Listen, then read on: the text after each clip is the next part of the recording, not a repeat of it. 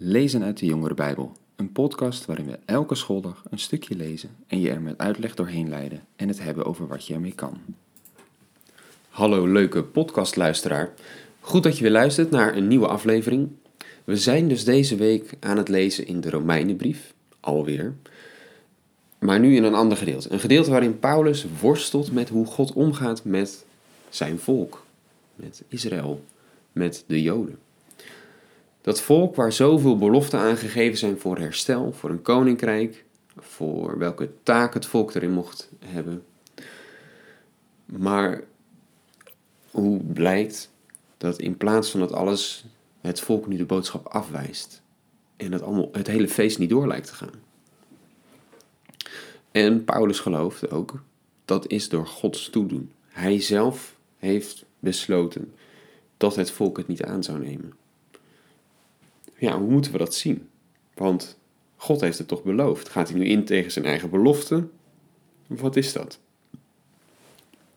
Hoe moeten we dat rijmen?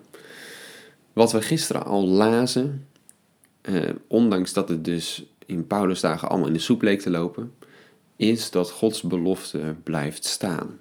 Gods belofte blijft. Daar kan een mens niks aan veranderen. Daar kan, als, en zelfs als God een belofte doet, het lijkt misschien alsof hij eh, een andere kant op gaat. Maar als God het belooft, dan zal het uiteindelijk gebeuren. Alleen niet iedereen die als Israëliet of als Jood geboren is, die hoort dus automatisch bij de belofte. Dat lazen we gisteren. Laten we vandaag nog ietsje verder lezen, want er bleven nog een aantal vragen hangen. In vers 9 van hoofdstuk 9, daar staat: als iets een belofte is, dan zijn het deze woorden. Over een jaar kom ik terug en dan heeft Sarah een zoon. Sterker nog, Rebecca was van onze vader Isaac zwanger van een tweeling. En al voor ze geboren waren en iets goeds of slechts gedaan hadden, werd haar gezegd: De oudste zal de jongste dienen. Zo blijft Gods besluit van kracht. God, kiest een mens niet uit op grond van zijn daden, maar omdat hij hem roept. Zoals ook geschreven staat: Jacob heb ik lief gehad, Esau heb ik gehaat. Moeten we dan zeggen dat God onrechtvaardig is? Natuurlijk niet. Hij zegt immers tegen Mozes: Ik ben barmhartig voor wie ik barmhartig wil zijn. Ik schenk genade aan wie ik genade wil schenken.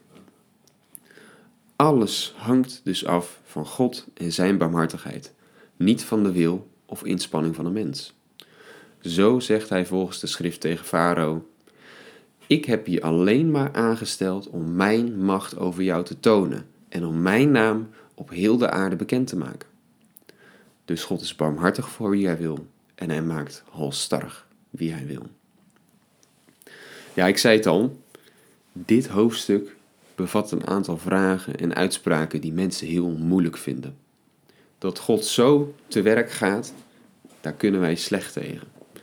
Wij in het Westen, wij hechten heel veel waarde aan dat we zelf wat we in ons leven eh, doen en wat er in ons leven gebeurt, dat we dat zelf kunnen beslissen. Dat we zelf wat kunnen worden door hard te werken. Dat je zoveel voor elkaar kunt boksen. En we zijn fel tegen, hè, dat zie je ook als je naar het nieuws kijkt en hoe over andere landen gesproken wordt. Wij zijn fel tegen iedere regering die sommige burgers voordeeltjes geeft en andere straft zonder dat ze er iets zelf uh, verkeerd gedaan hebben. Nou, als je dit gedeelte dan leest in de Bijbel, dan lijkt God precies zo te worden afgeschilderd. Want we lazen, ja, Jacob en Esau, ze waren nog niet eens geboren en God had er al eentje uitgekozen.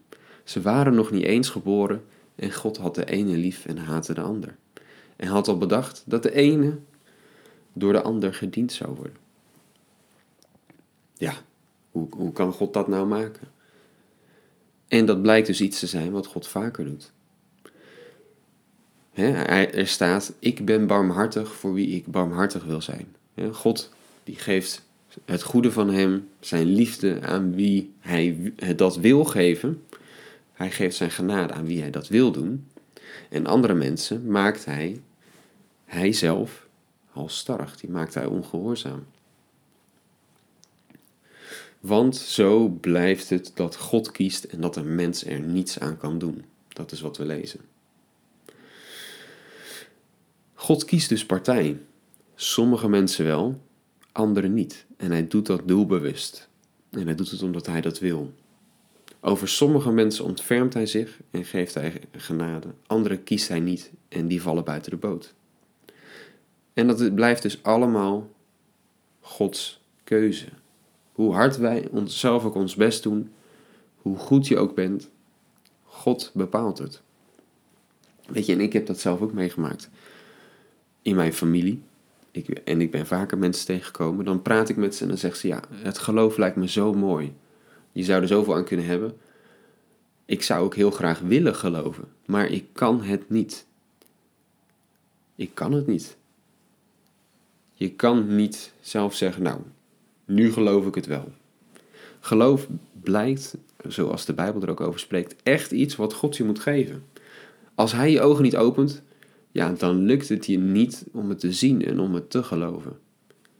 En dat is ook heel lastig, hè? want ook ik, als ik met de jongeren omga, ik zou jullie het liefst allemaal, eh, als je nadenkt over is het geloof iets voor mij, ik zou het je allemaal willen geven of een uh, sterke reden willen geven om, je, om jullie allemaal te overtuigen, want het geloof is zo mooi.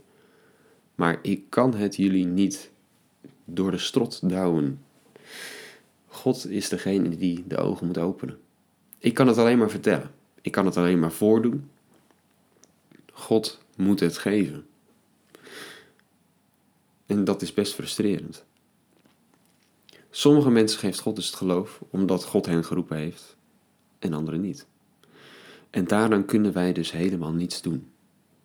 Is dat niet onrechtvaardig als God zo handelt? Als hij zegt jij wel en jij niet zonder dat ze iets voor gedaan hebben? Dat is precies de vraag die Paulus gelijk hierna op, opwerpt. En hij schrijft er ook gelijk over. Het echte antwoord komt pas eh, in het stuk dat we morgen lezen, maar hier zien we al een klein stukje ervan. Als Mozes het volk uit Egypte wil leiden, dan weigert de farao, waarop er tien plagen over Egypte komen en het volk op een spectaculaire manier wordt bevrijd. Prachtige verhalen zijn dat. Maar wat blijkt? Het was allemaal vooropgezet plan. Je leest ook in de Bijbel zelf dat voordat uh, Mozes ook maar naar Egypte gaat, God al tegen hem zegt dat de farao zal weigeren en dat God, dat, voor, dat God daarvoor zou zorgen en dat hij dat doet omdat hij dan zichzelf kan laten zien. God kan laten zien hoe machtig hij is, sterker dan alle goden in Egypte. Dat God alleen God is. Denk daar eens over na vandaag. Is het onrechtvaardig dat God zo handelt? Of mag God dat doen? Is het onrechtvaardig dat God het zo willekeurig lijkt te doen? Willekeurige mensen het wel en anderen het niet geven?